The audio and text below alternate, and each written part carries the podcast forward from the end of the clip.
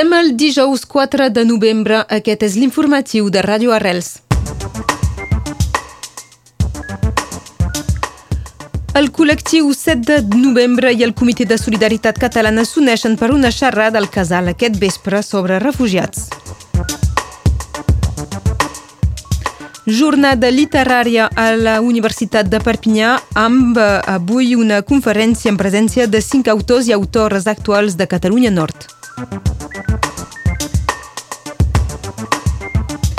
El Museu d'Art Modern de Serret ja té data de reobertura després de dos anys d'obres. Serà el 5 de març.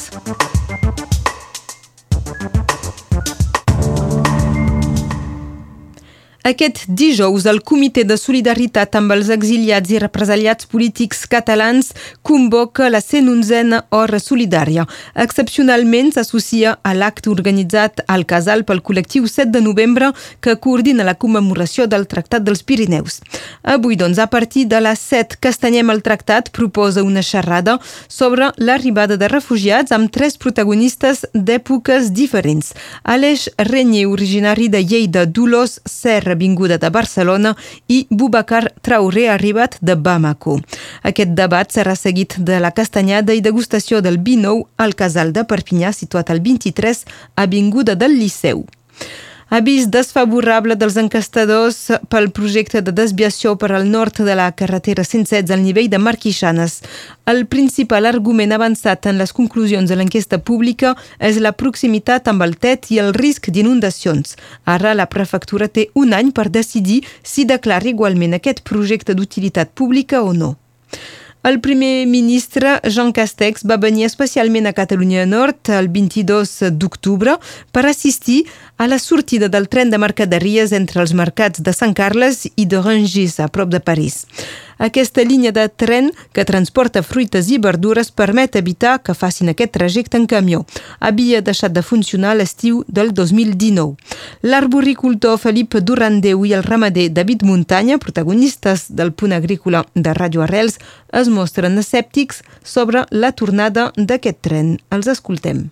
Si estalvia 18 camions, me, sembla que dels 13 vagons vaig sentir que hi havia eh, eh, tomates del Marroc, eh, enciam d'Espanya i ple de, de, ple de coses de, de fora de Catalunya Nord. Doncs, millor, molt bé, fa 18 camions menys, eh, me fa que no sé exactament què pensar-ne. I jo el que em fa més mal al cor és que encara l'estat francès posa diners dins una cosa per fer entrar productes de, de fora. I nosaltres aquí aspirem a passar el tren ple de coses, però amb poca cosa de, de, del país. I això és una, un darrer, una, darrera parada de terços al, al, al, al cos de, de l'agricultura eh, catalana. Jo penso que ens prenen per cunys. Ho sabien ja temps.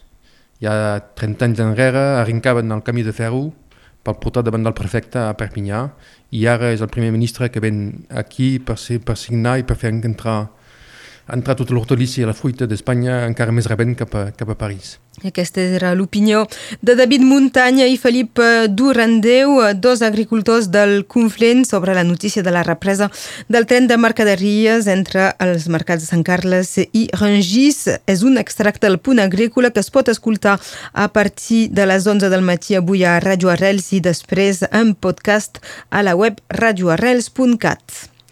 Avui a l'Universitat de Perpinyà se celebra una jornada literària en el marc del Precongrés Internacional de l'Associació de Joves Investigadors en Llengua i Literatura Catalanes. Els actes començaran a les 9 i mitja del matí i s'acabaran a les 4 i mitja amb diferents conferències. Repensar la literatura d'autor des dels arxius, ser escriptor en català a la Catalunya del Nord i autotraduir-se en francès, noves publicacions en la crítica literària catalana, un homenatge a la Renata de Laura Portet i finalment una taula rodona sobre la literatura nord-catalana avui en dia en presència de Maite Barcons, Joan Daniel Besonov, Cristina Giné, Joan Lluís Lluís i Coleta Planes. El congrés hi tindrà lloc a la primavera. Les dates són el 21, 22 i 23 d'abril a l'Universitat de Perpinyà. Aquest dilluns reprendran els cursos a les escoles, col·legis i liceus de Catalunya Nord després de les vacances de tardor. Una represa que per les escoles primàries veurà el retorn de la màscara pels mainatges. Amb la baixa de la taxa d'incidència de casos de Covid-19 durant unes setmanes, els nins i nines de les escoles nord-catalanes van poder deixar de portar aquestes màscares, però l'incidència torna a ser per sobre de 50 casos per 100.000 habitants, concretament 68. Aquesta mesura concerneix 39 departaments del conjunt de l'estat francès. El Museu d'Art Modern de Serret tornarà a obrir el 5 de març del 2022. La data ha estat confirmada aquest dimecres. El museu haurà estat tancat al públic durant dos anys, el temps de fer obres de rehabilitació i d'extensió que amplien la seva superfície de 1.300 metres quadrats. La primera exposició temporal aquesta primavera serà dedicada a un artista de Barcelona, un escultor, Jaume Plensa. Les obres per retirar les barreres de peatge de la P7 i la P2 a Catalunya Sud han començat. El desmantellament de l'antic peatge de la Junquera s'allargarà fins a la primavera. El govern espanyol habilitarà alguns dels carrils laterals per poder fer-hi controls policials i deixarà els eh, centrals lliures. Finalment, només hi haurà tres carrils lliures en cada sentit. Sis dels integrants del grup conegut com els nou dels lladoners eh, ja saben que quedaran absolts en haver retirat la Fiscalia l'única acusació que hi havia contra ells, els de desordres públics. Els altres tres acusats hauran d'esperar la sentència perquè tant la Fiscalia com la Generalitat mantenen una part dels càrrecs. Josep Rull, Jordi Turull i Jordi Cuixart han demanat a la Generalitat que retiri l'acusació particular, però la Generalitat no ha fet cas ni de les defenses ni als tres presos polítics actualment en llibertat i només ha rebaixat les acusacions. El xumatge ha trencat la tendència a la baixa a les comarques gironines i ha pujat gairebé un 2% durant el mes d'octubre. En aquesta demarcació el mes es tanca amb 36.174 desocupats. Feia més de mig any, en, en concret des del mes de març, que el xumatge no pujava a les comarques gironines. Al contrari, si mirem el conjunt de Catalunya, l'atur ha baixat en mig miler de persones aquest mes d'octubre de 0,13%. Ara a Catalunya hi ha 377.960 persones desocupades, menys que l'octubre del 2019, abans de la pandèmia de Covid-19. Aquest dijous, l'exdiputada de la CUP, Anna Gabriel, es convertirà en la primera dona a liderar el sindicat Unia per la regió de Ginebra. Aquest sindicat és el més important de Suïssa. Anna Gabriel és instal·lada a Suïssa des del febrer del 2018, ha estat elegida per una gran majoria i substituirà en el càrrec Alessandro Pellizzari. A la COP26 de Glasgow, una aliança de 450 actors del món de la finança de 45 estats i que pesa 130.000 miliards de dòlars s'han compromès a la neutralitat carboni de les seues empreses abans del 2050. Les ONGs lamenten tanmateix que aquest sector no sigui disposat a aturar les inversions cap a les energies fòssils. Passem als esports i al futbol. Copa de França amb el sorteig de la setena ronda. i el club de Canet afrontarà Pau, un equip de segona divisió. Aquest partit es jugarà a l'estadi Sant Miquel de Canet la setmana vinent, el 13 de novembre.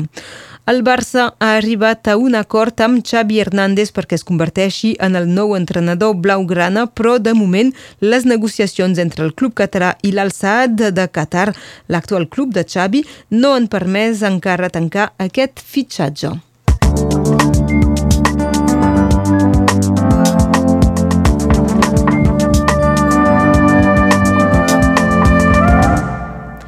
Passem a la previsió del temps amb l'Enric Balaguer.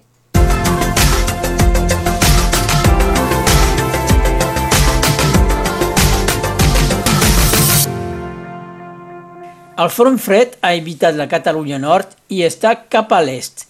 Estem ja sota la influència d'un anticicló format a l'Atlàntic.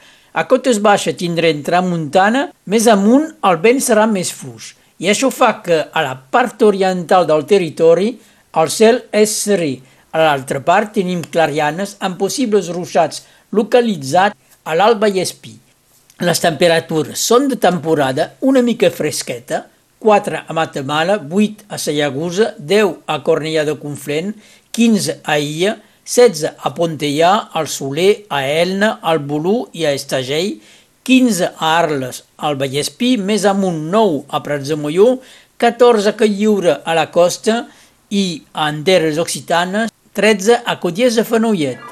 A Sallagusa el sol desapareix a 17 hores i 43 minuts, el termòmetre marcarà 5 graus. És allà que, el 4 de novembre de 1920, neix Antoni Cairol, el gran escriptor nord-català, conegut amb el nom de Jordi Pere Cerdà.